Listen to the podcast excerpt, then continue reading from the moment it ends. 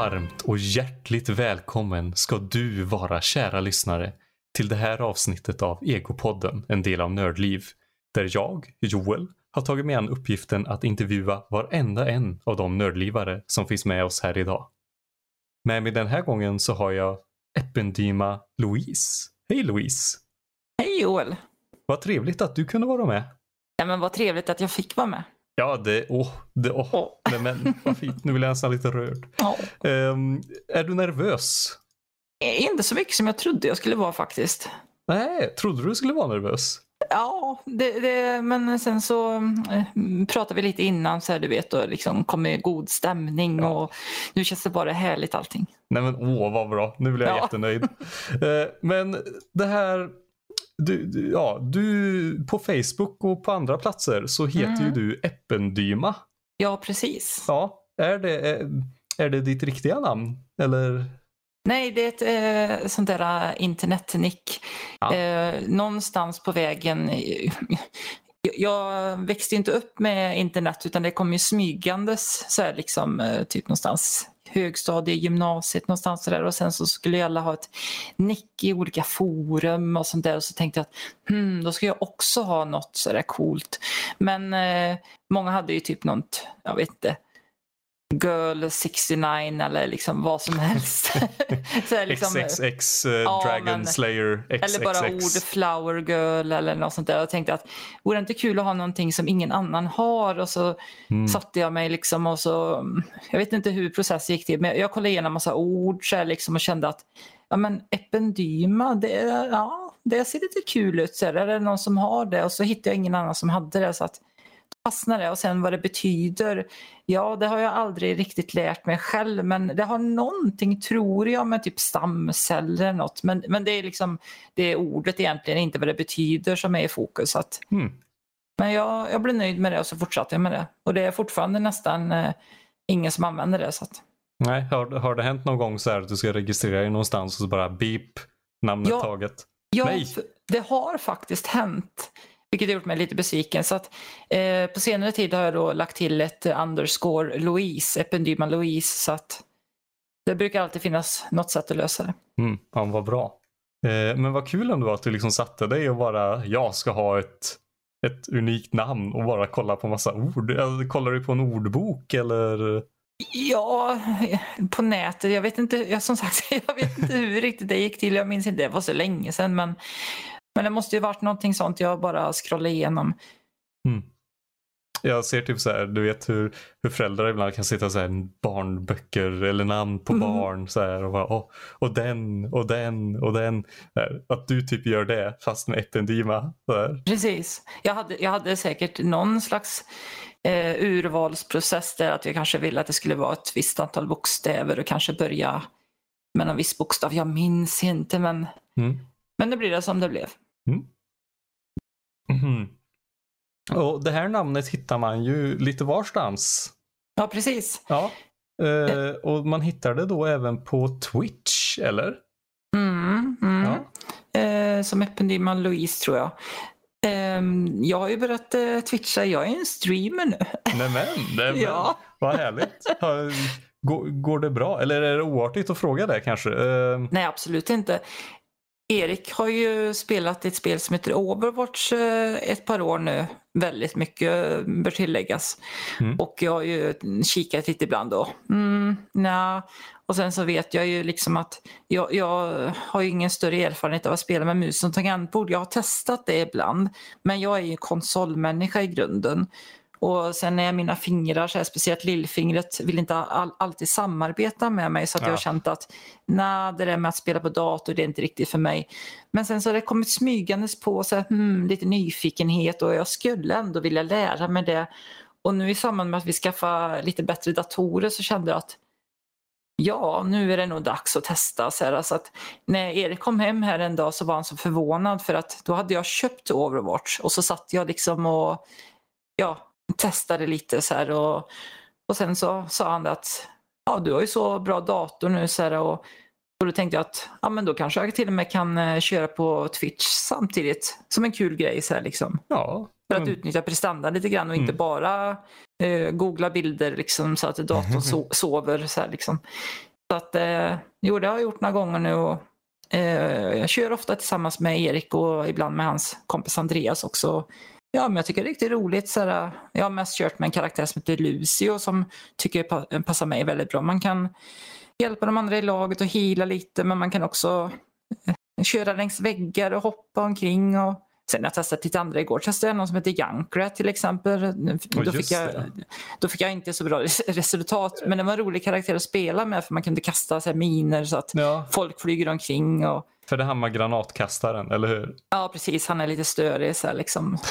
Och så kan han bli ett så här, hjul också i, så här, i sin ult så här, liksom, och spränga folk. Nice. Ja, ja men det är kul. Mm. Mm. Och där, du sa det magiska ordet nästan, eh, eller Mm. magiska namnet. Du sa Erik. Ja, precis. Det är Ja. min, min sambo. Han är ju med i Nördliv också. Du har ju intervjuat honom så att Ja, precis. förhopp- förhoppningsvis så känner alla honom lite bättre vid det här laget. ja, det får vi hoppas. Ehm, Men jag undrar lite, nu har vi liksom, jag har fått höra hur, hur han sa att ni träffades. Mm. Och nu är jag väldigt nyfiken på att höra din version av hur ni träffades. Ja, den riktiga versionen. Ja, ja. Åh, du vet exakt vilka knappar du ska trycka på. Precis, den riktiga versionen. Ja, Jag tror nog att sanningen som man brukar säga ligger någonstans där, där mitt emellan. Så man får väl lyssna på våra eh, båda versioner och så får man väl ta någonstans där mitt emellan tror jag. Men eh, tre år innan vi träffades på riktigt så att säga så hängde jag med en eh, kompis som eh, körde någonting som heter Haidon Gumdo. Det är någon koreansk svärdskonst tror jag det är. De hade i alla fall träpinnar och stod och slog i eh, Stadsträdgården här i stan. Det var en uppvisning då, Mhm. för hela stan. Eh, eftersom min eh, kompis Mattias, som visade sig vara en gemensam kompis med Erik då, så var jag där och kikade och tog lite bilder. Eh, Min pappa var också där och tog lite bilder och sådär. Och sen så kollade jag på korten i efterhand och så Egentligen var ju inte Erik i fokus då, han var ju bara liksom en biprodukt av de här bilderna men jag tyckte att ja men han ser fin ut så här liksom. Ja. Men sen blev det egentligen ing- ingenting mer med det men Mm. eh, tre år senare så träffades vi på en fest hos vår gemensamma kompis. Och jag tyckte han såg lite bekant ut den här killen. Så liksom, och började prata lite med honom. Och, jag minns inte allt vi pratade om men det var lite nör- nörderier. Så liksom, det, var, det var väl mycket spel och sådär. Ja, lite Nintendo och lite PC pratade alla han om säkert. Och sen pratade vi om lite filmer och ja, lite annat. Så här, liksom, och, ja, men det kändes bra. Så här. Eh, och sen skulle han väl smita iväg till eh, sin kompis ett tag. Så här, men vi fortsatte smsa varandra och ja, prata via dator. Jag undrar om det var ICQ på den tiden, en sån där gammalt chattprogram. Och sen när han kom tillbaka så träffades vi, du vet, jag började dejta lite försiktigt. Så här, och sen typ en månad senare så gick vi på stan och så, ja, träffade en kompis och hon frågade hur det var med oss och sådär. Och, och det var väl någonstans där vi kände att är vi ihop nu? Så här, liksom. Ja. och då var vi ihop. Jaha. Men- Någonstans ska man ju bli det i datingprocessen också. Så här, liksom, inse att jaha, vi är ett par nu. Så här, coolt. Nej men åh vad gulligt. Men, ehm, det här var ju väldigt kul. Vet du vad Erik sa? Nej, berätta gärna. Ja, men han sa ju så här att du typ hade stalkat honom och tagit bilder på honom. Ja, och, jo. och, och alltså, det, när han, nu när man hör varför du tog bilder så låter ju mycket, alltså du, ja, du låter ju mycket mer resonlig. Alltså, man ska ju tänka på eh, med Erik att han är väldigt älskvärd men han älskar också att överdriva väldigt mycket. Ah. Och ta, ta i liksom och kanske ljuga lite extra och sådär. Så att en, man, det ska ju vara en bra story brukar han ju säga. Liksom, och hans stalking-historia lät ju säkert mycket mer spännande nej, än, men, vad, än vad min gjorde. nej men vad pratar du om? Det här var ju en jättefin romantisk, alltså, och just det att, ni, att liksom just första möten då var på någon så här, ett lite udda plats ändå, någon svärd, träsvärdsuppvisning. Ja, precis. Jag menar, hur många kan säga det? Att de träffades på en sån? Ja, nej men eh, som sagt, sanningen ligger väl kanske någonstans. Jag kanske stalkar lite. Nej, det gjorde jag inte. Jag stalkar inte. vet, vet du vad? Alltså, jag hade nästan glömt bort för att han såg ju bekant ut på den här festen men det var först när jag kollade efter. Han, ja, han var ju med på de här bilderna för tre Mm. år sedan. Tre år är ju en lång tid, hinner ju glömma liksom. Att, men i alla fall. Eh, och, och det var, han, när jag, han pratade om att det var han liksom som håller på att få det att gå över att sitta och lira PC. Mm, mm. Ja. Jo, men eh, det är sant. Ja. Ehm, han tycker väl ofta att jag borde testa lite nya grejer och lära mig det för att ja, dels vill han väl kunna spela tillsammans med mig. Det tycker han är väldigt kul nu med Over- Overwatch till exempel.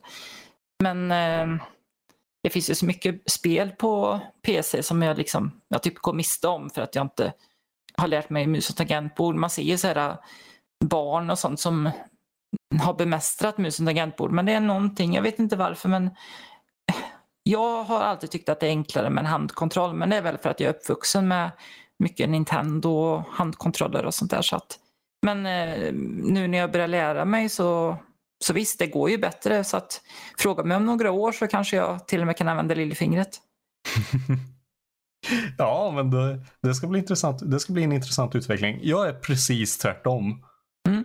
Alltså jag, jag kan, om någon sätter mig, om någon sätter en kontroll i handen på mig, det är som att jag har två vänsterhänder. Liksom. Mm. Det, det, ja, jag trycker på fel knapp och det blir så här. ugh. Allra värst, är, allra sämst är jag på typ så här fighting-spel. Ah.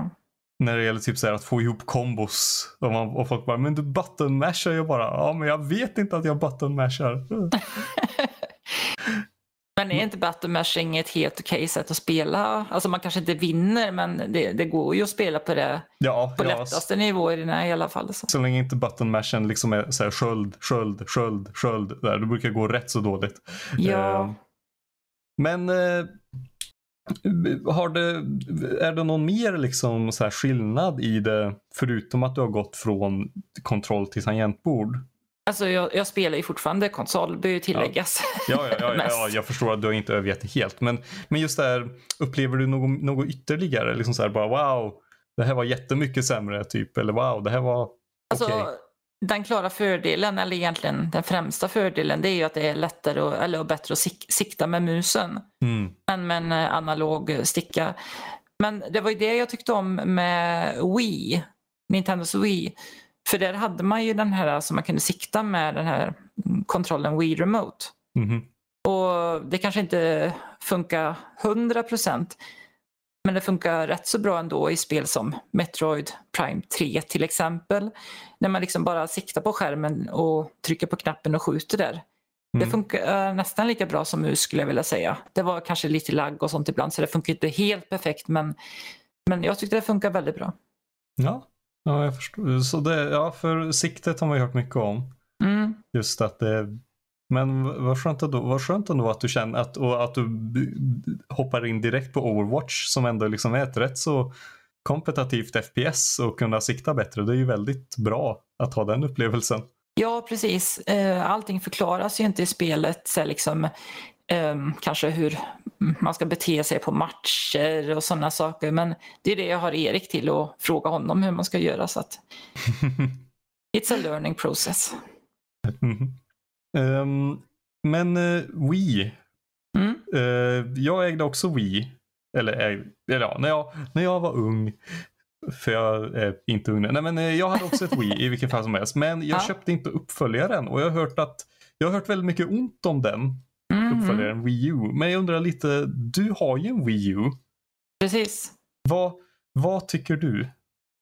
Ehm, jag tycker ju väldigt mycket om Wii U. Mm. Den, eh, som du säger, Wii var ju en riktig storsäljare. Ja. Ja.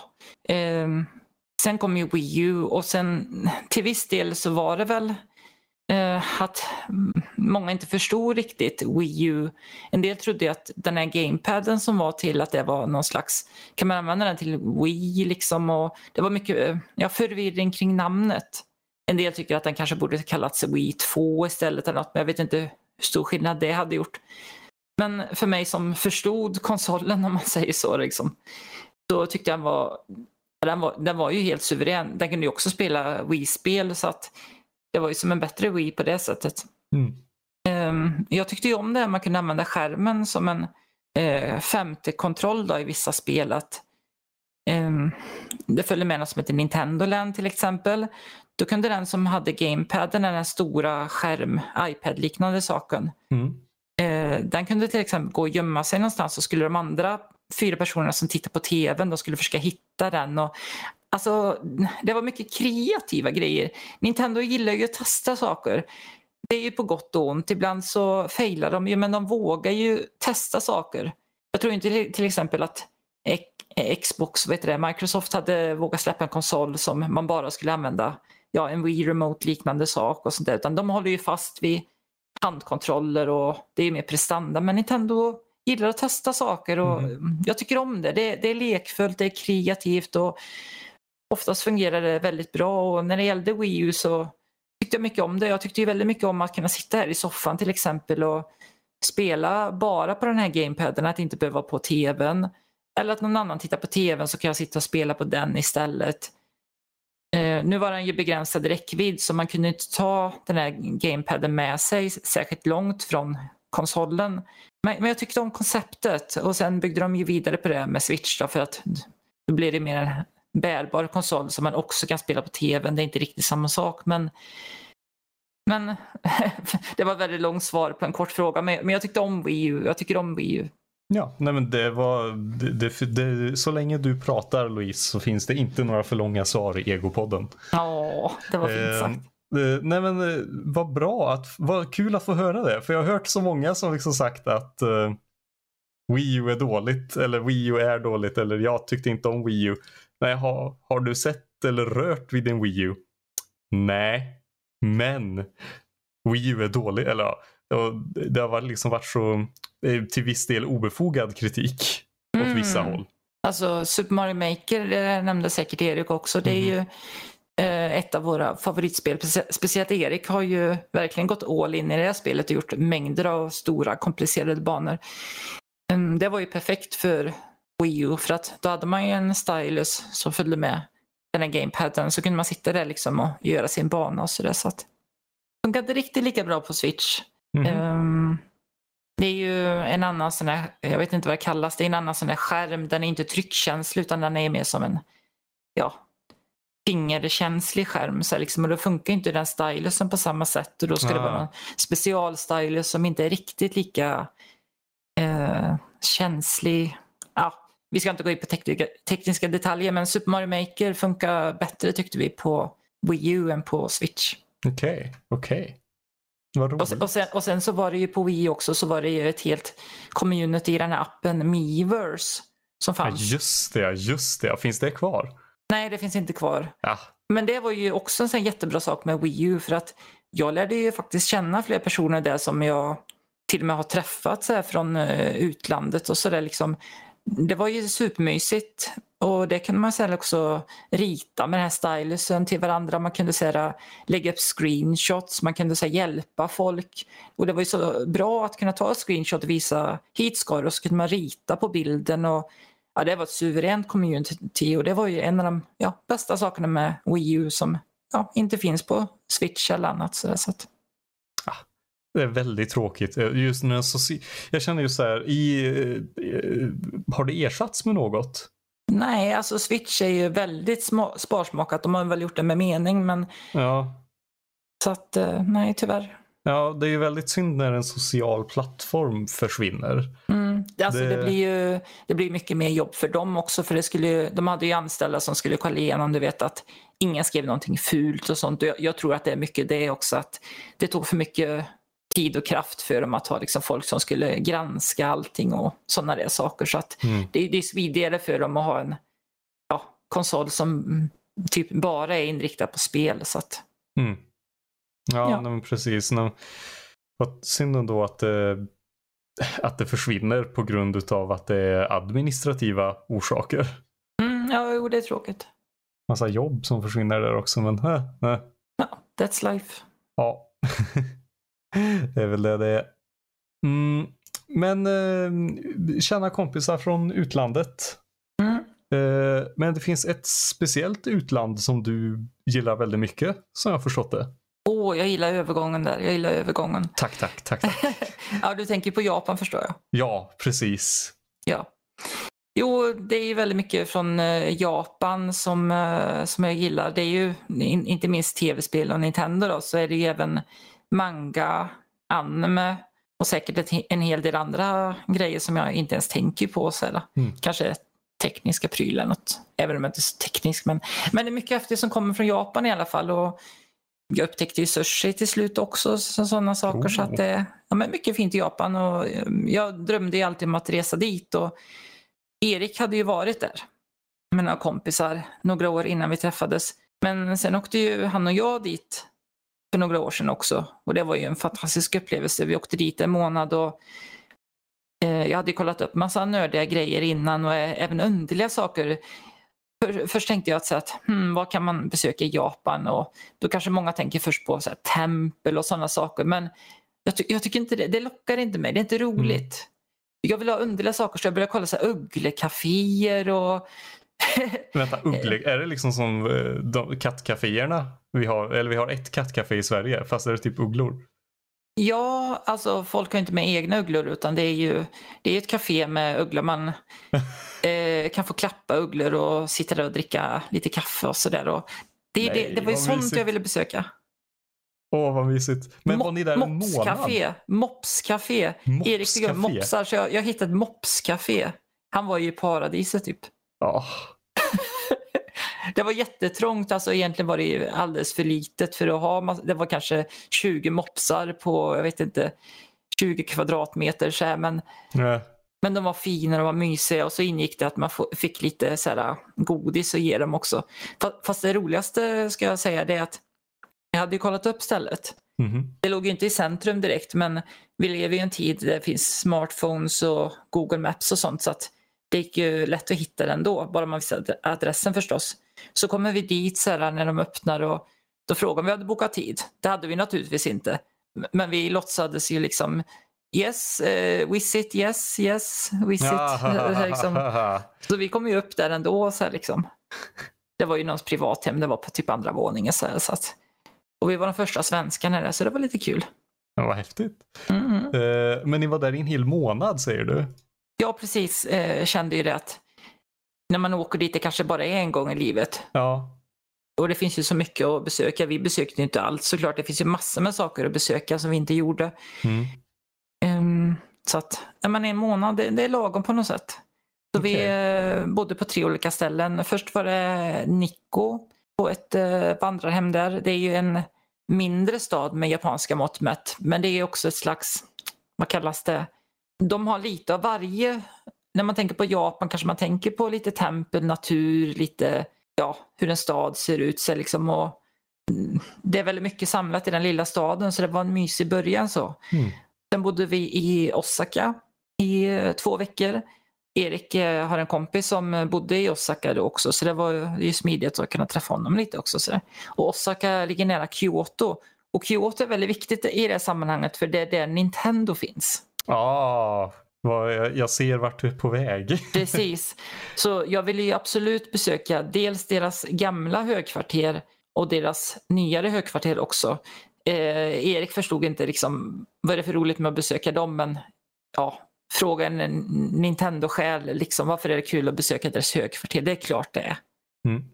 Så att, men, eh, och sen så besökte vi Tokyo sista veckan också. Men det var nog Osaka jag gillar bäst faktiskt för att Tokyo är kanske det de flesta tänker på. Och det Mhm. finns ju de här sto- riktigt stora shoppingkvarteren och så här, det är klassiskt. Men det finns sånt i Osaka också och Osaka är mer parker också. Det, det är trevligare på något sätt. Förstår du? Det liksom är jag vet inte vad man ska jämföra med. Det är lite som att jämföra Malmö med Göteborg kanske. Det Göteborg i det här fallet då är kanske eh, Tokyo och så Osaka är lite mer Malmö kanske. Mm. Det kanske var en konstig jämförelse, vad vet jag. Men det känns som att Tokyo var väldigt mycket skyskrapor och väldigt mycket betong. Osaka var, Osaka var lite mysigare tyckte jag. Okej. Och så låg det nära Kyoto såklart och Nintendo. Så, Ja. så att, det- Ehm, hur var högkvarteren? Ja, men det, det, var supermysigt. Vi, hade med, vi, vi, brukar ofta göra så att vi begav oss ut under dagen och så gick vi till något snabbköp och så köpte vi billig sushi. Det var enkelt att ha med i ryggsäcken. Och när vi kom till gamla högkvarteret då, i, i Kyoto, Nintendo där, så satt vi utanför och åt vår sushi. Så här liksom myste lite. Det var, vi hade jättetur med vädret ska också sägas. Mm. Sen eh, hann vi inte riktigt besöka Nintendos nyare högkvarter samma dag så vi återkom dit. Um, och det var jättefint också. Erik tog massor med bilder på mig. Så liksom. Jag tänkte att någon ska väl bli bra. Um, dels har de ju sitt, sitt vita högkvarter, det är ju deras mer research eh, development center där de utvecklar spel vad jag förstått. Sen har de mer ett annat högkvarter mittemot fast det är lite mer grått, lite tråkigare. Så liksom, så att, mm. eh, man, man, kan inte, man får inte komma in där utan det är ju så här, en säkerhetsvakt och sånt där tråkigt. Men ja. Men att, att ha varit där du vet och liksom ja. sitta in person så här, och, och vad mycket engelska det blev nu men eh, jag menar, man har haft upplevelser för mig. Mm. Ja men det förstår jag verkligen. Det, hade ni, förutom när ni fejkade att ni inte förstod, eh, mm. eh, eller förlåt, kan du japanska? Nej, jag, jag, har väl snappat upp några så ord mm. under årens lopp. Men, eh, men, men, engelska men nej, liksom jag, jag kan ni... inte. Ja, e- Erik kan faktiskt, han, han kan göra sig förstådd. På han japanska? Kan, ja, han kan inte han kan ju inte japanska på det sättet, men han kan så här, vissa nyckelord, du vet, mm. så här, liksom, som att, ja, så att jag snappar upp några ord där också. Shotto till exempel, lite eller mindre, så här, liksom det så de mest användbara orden. Så här. Mm. Men eh, jag tänkte gå vidare där någonstans, vart det var. Uh, det kanske kommer tillbaks. Um, ehm, yeah. Vad mer gjorde ni under den här månaden i Japan? Som sagt, jag, jag hade suttit jättemycket. Han, han lämnade över det till mig, ja. Erik. Att liksom, eh, hitta massa roliga saker att besöka och, och sen så hade jag ganska nyligen eh, skaffat smartphone också så att då kunde jag lägga in det på något sätt i, ja, det var Google eller något sånt där och det kunde man ju även se jättesmidigt med tågtider så vi kunde hitta hitta och ja, det, det var supersmidigt ska jag säga mm. faktiskt allting. Så att, när man besökte mer, vi, vi gick upp på ett eh, berg och där hade de apor som gick omkring och man kunde även mata dem i ett hus till exempel. Det var mycket djur känner jag när jag pratade om det här. Vi hittade ett café där de hade pingviner. Pingviner? pingviner ja, bakom glas i och för sig men de simmade ja, omkring ja. där och såg lite fåniga ut och sådär. Såg de fåniga ut? Ja, men för det mesta stod de ju bara stilla. Så här, men ibland så... Ja, det hände väl inte så mycket egentligen. Men jag, tyck, jag tyckte om temat i alla fall, pingvin. Eller vet du vad? Det var, det var ingen café, det var en bar. Det var en pingvinbar var det faktiskt. Pingvinbar? Ja, vi köpte någon... Man var tvungen nästan att köpa någonting för att få vara kvar där. Så jag köpte någon äcklig drink som var säkert alldeles för dyr också. Men jag gillar djur. Erik tycker också väldigt mycket om djur. Så att det mm. var ja, något annat, så här, typ eh, hundcafé. Det var någon tax som låg eh, i mitt knä. Så det var supermysigt. Åh, vad härligt. Ja. ja, men det var mycket sånt. Sen så var det ju typ tv-spelsrelaterade grejer också. Förutom shoppingcentren då, så var det något Eh, också någon bar där man kunde så betala så hade de massa konsoler. Det var väldigt många utlänningar där så att Eh, det var nästan inte någon japan. Det var lite roligt. Oj, eh, men förutom, ändå. Ja, precis. Eh, det var väl ingen japan som drev det heller. Så att, eh, nej, men vi träffar ju på svenskar ibland också. Det var lite kul faktiskt. Eh, vad var det mer för underligt jag hittade? Just det, det var något ställe där eh, Alltså nu är det inte en genre i anime och manga som intresserar mig så mycket men jag tycker att det är kul att det finns ändå mm eh, typ homosexuella killar, det temat. I ja, just ja, det heter ju något speciellt. Ja, jag kommer inte ihåg det just Nej, nu. ja, det är ju, det är ju sin egna genre. Just Precis. Det. Och det är faktiskt lite populärt, eh, särskilt bland eh, kvinnor i Japan. Så att då fanns det ett, eh, ett café där man eh, dels kan sitta och läsa sånt, men killarna som jobbar där, de, de spelar ju en roll förstås. Då kan man, eh. eh. då kan, då kan man eh, ge dem pengar och så kan de hitta på liksom de, de spelade upp en teaterscen kan man nästan säga. eh, man ska bestämma hur träffades de, vad har de för slags förhållande och sen spelar de upp den scenen och det kan även in, innebära att de kysser varandra fast de liksom tittar ju bort och det, det är ingen riktig kyss. Nej. Men de var väldigt professionella de unga killarna och framförallt så var de ju väldigt eh, service-minded. För att när vi kom in där, ja de tyckte det var roligt att Erik var med för de var inte vana vid att någon kille var med. så. Men de var jättesnälla, det var helt okej okay, sådär. Så vi ja. satte oss vid ett bord och du vet, det var ju alltid någon där som framförallt pratade med mig och de kunde engelska. Alltså många mm. japaner kan jättebra engelska. Det ska man inte tro någonting annat. Mm. Ehm, eh, fast många är säkert väldigt blyga och sådär. Men i alla fall.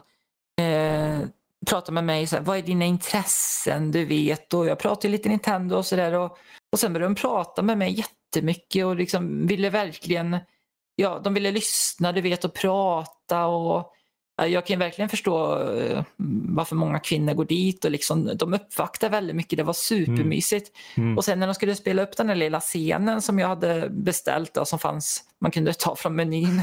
så liksom, förutom godsaker och sånt. Då. De älskar, ju godsaker i Japan. Då blev det nästan lite pinsamt. Jag kunde nästan inte riktigt titta på för. Jag, blev, jag, jag, jag rodnade så här liksom. Och Nej, alltså jag förstår det. Det låter... Jag, jag, oj. Ja. Ja, men, men det är sånt, alltså det slår ju tempel vilken dag som helst. Liksom. Ja, eller hur? Något sorts improvisationscafé med fokus på eh, homosexuella män och deras förhållanden. Precis, det är sånt som man vill besöka i Japan. Oj, oj, ja. Ja, jag sitter och rånar här själv lite. För jag, tänker, nej, jag, jag, jag har ju hållit på med teater och sånt. Jag ser ja. bara, ah, vad, det, det blir, jag har fått en anställning på något café med teaterimprovisation. Åh vad härligt. Och så bara, ah, nu ska du göra den här scenen. Va? ja. Nej men vilken grej ändå. Mm. Åh, ja, men det är kul. Mm. Ja. Um, nu tänkte jag, har du något mer om Japan? Annars så tänkte jag att vi åker tillbaka till Sverige. Mm, nej, jag tror nog jag har sagt de roligaste sakerna från Japan. Ja, men då... Land... Eller jag, jag, jag måste jo, bara nämna ja. att... Jag fick, får jag ta en liten kort eh, ja, berättelse bara? Ja. Eh, det finns ju Studio Ghibli-museum i Japan. Oh, ja. Eh, det är typ utanför Tokyo om man åker en bit så. Och både jag och Erik tycker om anime och inte minst Studio Ghibli-filmerna. Mm. Men eh, tyvärr var det så att man måste boka jättelångt i förväg. Ja. För att det är otroligt många personer som besöker det så att helst kanske ett halvår innan och det hade, det hade vi inte heller gjort förstås. Mm. Men jag ville ändå du vet, kolla på det, besöka det så att vi åkte dit och ja, man såg det från utsidan, man ser lite grann, man ser den här Lapputta-roboten stå på taket till exempel och ja, sådana saker. Men ja, det var väl kul men Eh, vad sägs om att besöka själva Studio Ghibli, alltså riktiga studion? Så. Ja. Det hade jag ju också kollat upp. Jag hade kollat upp så många saker. Och det låg inte i riktigt samma område. Man fick ta tåget en, en bit tillbaka. Så här. Men, men det hittade vi. Och man får inte komma in där heller förstås. Men, men vi stod och det var jättehäftigt att bara vara där såklart. Mm. Eh, och vi stod och pratade där. Sen var det en kille som eh, kom fram och han eh, frågade oss Eh, ja, ni tycker om Studio Ghibli? Ja, det tycker jag också väldigt mycket om. Han, han bodde där i eh, staden där de har staden där de har museet så att eh, han, är, han är riktigt fan. Så här, liksom, brukar besöka både studion och museet och, och han har tydligen träffat eh, Hayao Miyazaki, han som gör mycket Ghibli-grejer. liksom. Mm -hmm. eh, träffat honom ibland sedan typ 80-talet redan när inte Studio Ghibli var lika stort. Så att eh, han, eh, Miyazaki hade bland annat gjort en bröllopsteckning till han och hans frus bröllop då, till exempel. Och, Nej, vad mysigt. Ja, jättehäftiga saker. Och han frågade så här, eh, vill ni se var eh, eh, Miyazaki har sitt kontor någonstans? Här? Ja, gärna. Och så tog vi en liten rundtur där i närheten av studion så här, och han visade här är det och här är Miyazakis bil. Så här, liksom, och wow, så här, det får inte alla turister se säkert den upplevelsen. Och, och, är det, och är det ett eh, dagis där de anställda kan ha sina barn så liksom och jättehäftigt. Och sen frågade han, har ni varit på museet? Nej, man var tvungen att boka och ja, vänta lite. För då visade det sig att om man bor i den staden som eh, museet är i, mm. eh, invånarna där har liksom förtur till eh, någon biljett varje dag. Precis. Och han brukar besöka det så ofta. Och nu visade det sig att han hade ju en biljett. Han hade tänkt besöka det. Men han tyckte det var så kul att träffa oss. Och så han, han erbjöd att sälja sin biljett till oss billigt. Ja. Och, det, och det, var ju, det var ju liksom, vilket sammanträffande, det var helt magiskt. Ja, eller hur? Och, och Erik tittade på mig och ja, du kan ta det, tyckte han. Så här, Åh, vad häftigt. Så här, liksom. Och eh, Erik gick, gick, inte lottlös heller om man säger så för att han eh, hängde ju med den här japanen istället. och japanen tog honom till en eh, restaurang och de hade jättekul och bjöd honom på mat och dryck. Du vet. Och, så de hade jättekul och jag fick komma in i museet och titta runt där. Det var ju jättehäftigt. Och, eh, var i en sån här um, vet du, kattbuss från uh, Totoro. Den oh. var precis lika mjuk som man kan tro i filmen. Så här, liksom, mm. sitta i och, ja, var, så vi fick en upplevelse båda två där och sen så sammanstrålade vi efteråt. Och så följde vi med honom typ till där han bor. Eh, vi gick inte upp till lägenheten men eh, där man kommer in i ja, huset, eh, vet det, lobbyn, foajén, ja, något mm. ord i alla fall. Vänta här, sa han så här, och så kommer han ner och så visar han ett album där han har um, så skisser, grejer från produktioner, Ghibli-produktioner som har blivit över som han har fått då, eller fick förr när det var liksom enklare, när de inte var lika stora. Mm. Och så tog han fram ett sånt från Lappeta från uh, produktionen, ett sånt uh, skisspapper och, och så gav han det till mig och det ska du få sa han. Så liksom. Nej men åh.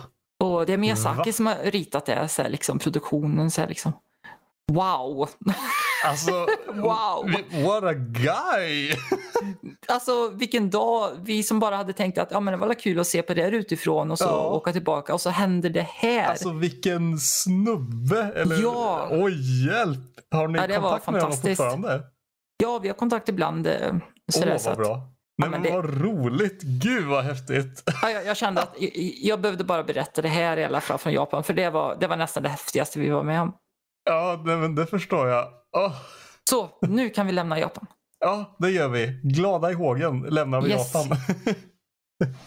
Med ett hopp om mänskligheten känner jag. Mm. Um, och jag tänkte vi landar i ditt och Eriks vardagsrum.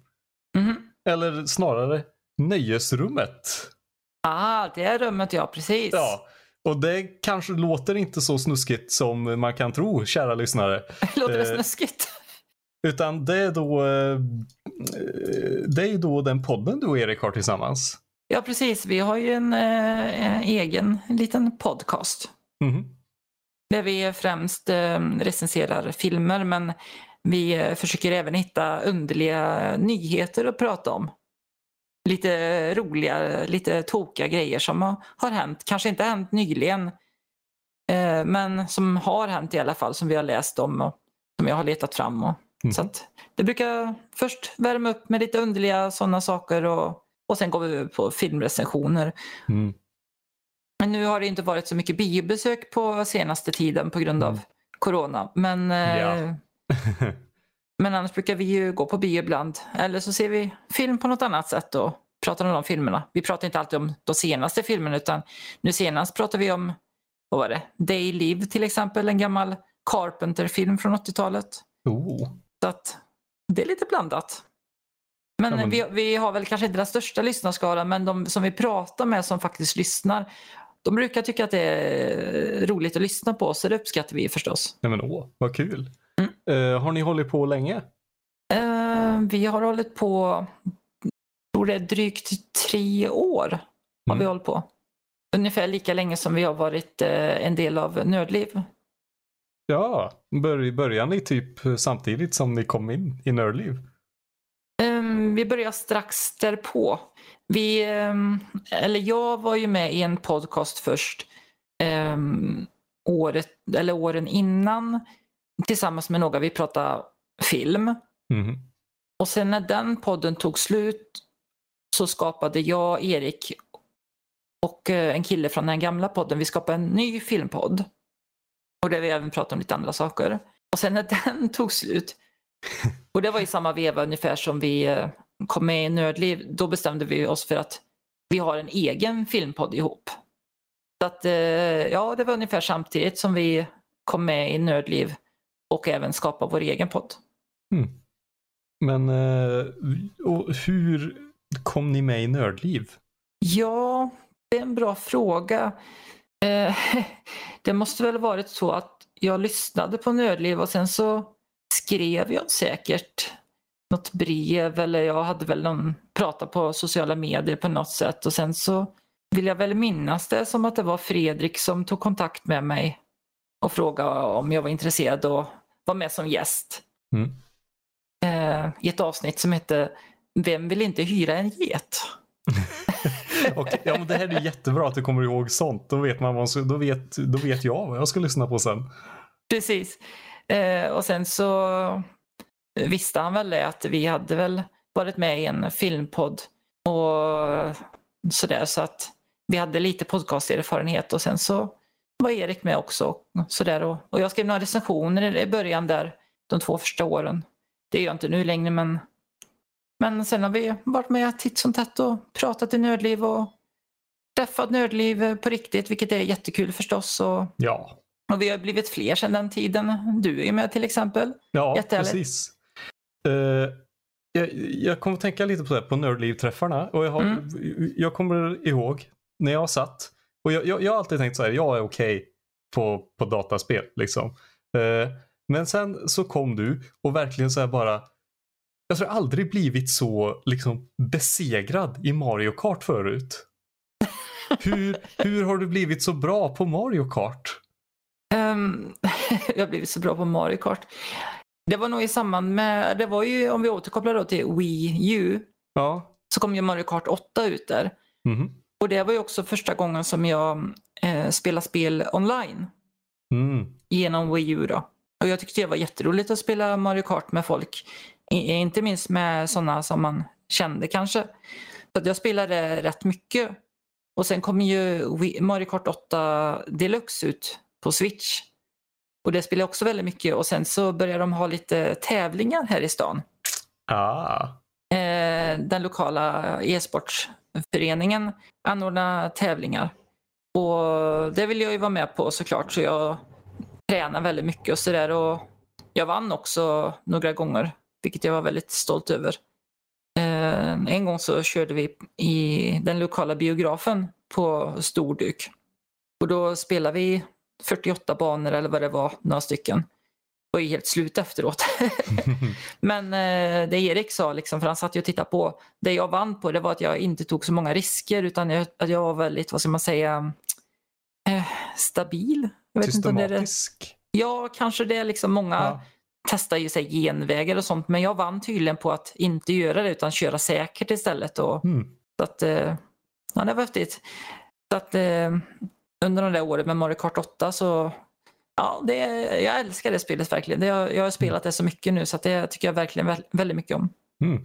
Eh, och, och, om du bara liksom så här, snabbt, fem tips hur, hur du blir bättre på Mario Kart. Ja, börja på eh, det enklaste 50cc och när du känner dig nöjd med det och, har tagit guld eller någonting, allting, då är det dags att bege sig vidare till 100cc och liksom ta ett steg i taget. Träna mycket såklart, spela mycket, testa olika karaktärer. Det, det finns ju så många olika karaktärer och mm, fordon med olika sådana här stats då, liksom Mm. eh, acceleration, tyngd, snabbhet, olika saker. Det funkar ju olika också. På 50cc till exempel, då är det väldigt bra med eh, hög acceleration till exempel för att komma, komma igång fort. Mm. Medan på kanske 200cc då vill man ha så lite acceleration. Eller vad säger jag? Nu tänkte jag nog fel här, nu blev jag lite förvirrad. Nej men det är lugnt. Det, det går väldigt fort i 200cc så du vill, Ja. du vill inte ha hög to- toppfart där. Jaha, nej. För det, det blir som jag. en flipperkula typ studsar Mm. omkring. Så det vill du ha lätta karaktärer istället. Så att du snabbt kan komma iväg och sådär. Ja, men testa olika helt enkelt. Mm. Det är olika för olika personer. Det finns ju motorcyklar och bilar och det gäller att hitta sin stil. Det kanske det lät nästan väldigt floskelaktigt men, Nej, nej men det... men testa sig fram liksom. Och, Okej. Ja, det låter ju väldigt logiskt att man ska testa sig fram. ja, ja, precis. Det lät lite tråkigt svar men Nej men det, det, ibland är det så man blir bättre på saker. Man gör dem igen och igen Mm. och igen och prövar. Och man kan ju köra sådana här, vad heter det, time trial där liksom man försöker slå sina egna tider och det är perfekt att, liksom att testa lite andra fordon och karaktärer på samma mot, mot sig själv så att säga liksom Mm. och se, jaha den funkar ju bättre och sådär så att, ja. Mm. Nu ska vi se. Ehm, har du något favoritspel? Jag tycker väldigt mycket om eh, Zelda-spelen Ja. och eh, mitt favoritspel är Link's Awakening. Eh, det kom ju först ut till Gameboy. Mm. Tyckte väldigt mycket om det. Eh, en del trodde nog att aha, Gameboy det är liksom är liten skärm, det är svartvitt, du vet inte så kraftfull. Att Mm. efter A Link to the Past som var så suveränt på Super Nintendo, vad kan man förvänta sig? Men jag tyckte faktiskt det var bättre. Jag, jag gillade storyn bättre. Det var eh, mer humor, samtidigt mer allvar någonstans. Mm. Sen tyckte jag man kunde hoppa till exempel med fjäder. Det kunde man ju inte i A Link to the Past. Mu- eh, musiken var till och med bättre för att det var olika låtar i de olika slotten. Så att, eh, jag blev väldigt förtjust i det och sen kom det ju en eh, DX-version i färg till Game Boy Oh. Color. Och eh, för något år sedan så kom det ju en eh, eh, remasterad eh, HD-variant av det här till eh, Switch. Eh, och inte bara remasterad, det är inte exakt samma utan de har lagt till lite nya saker så här. Och, eh, så att det, det är nog eh, mitt min favoritversion det till Switch. Mm. Det är Zelda-spelet. Mm. Ett tag så, så skrev du ju lite texter för Nördliv också, eller? Ja precis, det var några recensioner där. Ja. Eh, då undrar jag, om du är tvungen att välja, Mm. vilken är enligt dig den absolut bästa recensionen du har skrivit? Mm, jag tyckte nog mycket om min eh, Jockes Island Express eh, recension. Mm. Dels var det ett spel som jag var nyfiken på som kanske inte var så där eh, i fokus på många ställen. Men det var någonting med kombinationen flipper och äventyr som gjorde mig väldigt nyfiken. Och sen när jag väl spelade det så liksom, ja, det här är ju jätteroligt och så kan man inte dö heller, vilket jag som brukar välja lätta svårighetsgrader uppskattade väldigt mycket. Mm. Ehm, jag tycker någonstans att jag fick till en bra session. Det är upp till andra att bedöma förstås, men, men det var nog den sessionen jag var mest nöjd med. Det, är svårt att förklara varför, men mm, Mm. Nej, men, det var eh, en av mina sista recensioner också, så att jag hade väl blivit lite varm i kläderna också och hittat något sätt att skriva. Du vet, jag tar ju så anteckningar medan jag spelar och sen försöker jag komma på något ja, sätt att ja, skriva om det. Så att, men jag, jag, jag, blir lätt stressad så liksom och sen skjuter jag ju upp saker hela tiden. Ja. Ofta Ja. skrev jag i recensionerna när det bara var några da- dagar före deadline. Så liksom. För jag, jag vill ju jag vill spela så mycket som möjligt innan jag skriver om det. Mhm. Så att, eh, nej men det var väl det, den recensionen. Eh, Då har jag en lite avslutande och sista fråga. Mm. Ja. Eh, Jag undrar lite, du, du håller ju på liksom med ditt, du har Nintendo, du har Japan, du sitter och streamar Overwatch. Ehm, hur ser framtiden ut för ditt nörderi? Eh, Liksom Louise, eller Ependima Louise om tio år. Hur ser hennes nördliv ut? Alltså jag är ju en superkänd eh, streamer såklart. Jag har ju en studio och allt. Nej. Eh, förhoppningsvis så kan jag, eh, har jag lärt mig att bli så bra på tangentbord att jag inte är lika rädd att spela PC-spel. Det öppnas ju en ny värld bara där. Jag kanske inte är lika nervös när jag pratar och sånt här. Mm, jag kanske, jag vet inte. Kommer du övergett Nintendo? Nej, Nej. det, det tror jag inte. Alltså, det ska väl sägas det att, det kanske låter fånigt men vore det inte för att Nintendo hade spel på Nintendo skulle jag inte köpa Nintendo. Eh, Miss, Nej, nej, missförstå är mig rätt. Att, ja men alltså, konsolen är inte den kraftfullaste. Mm. Men det är ju Nintendo-spel som är så bra på den såklart. Mm. För att tredjepartsspelen, de köper jag ju till Playstation 4 till exempel. Mm. Jag, jag köper ju Nintendos konsol för Nintendos egna spel så att ehm, det är ju därför, ja, det är därför jag köper, för att jag gillar Nintendo-spelen.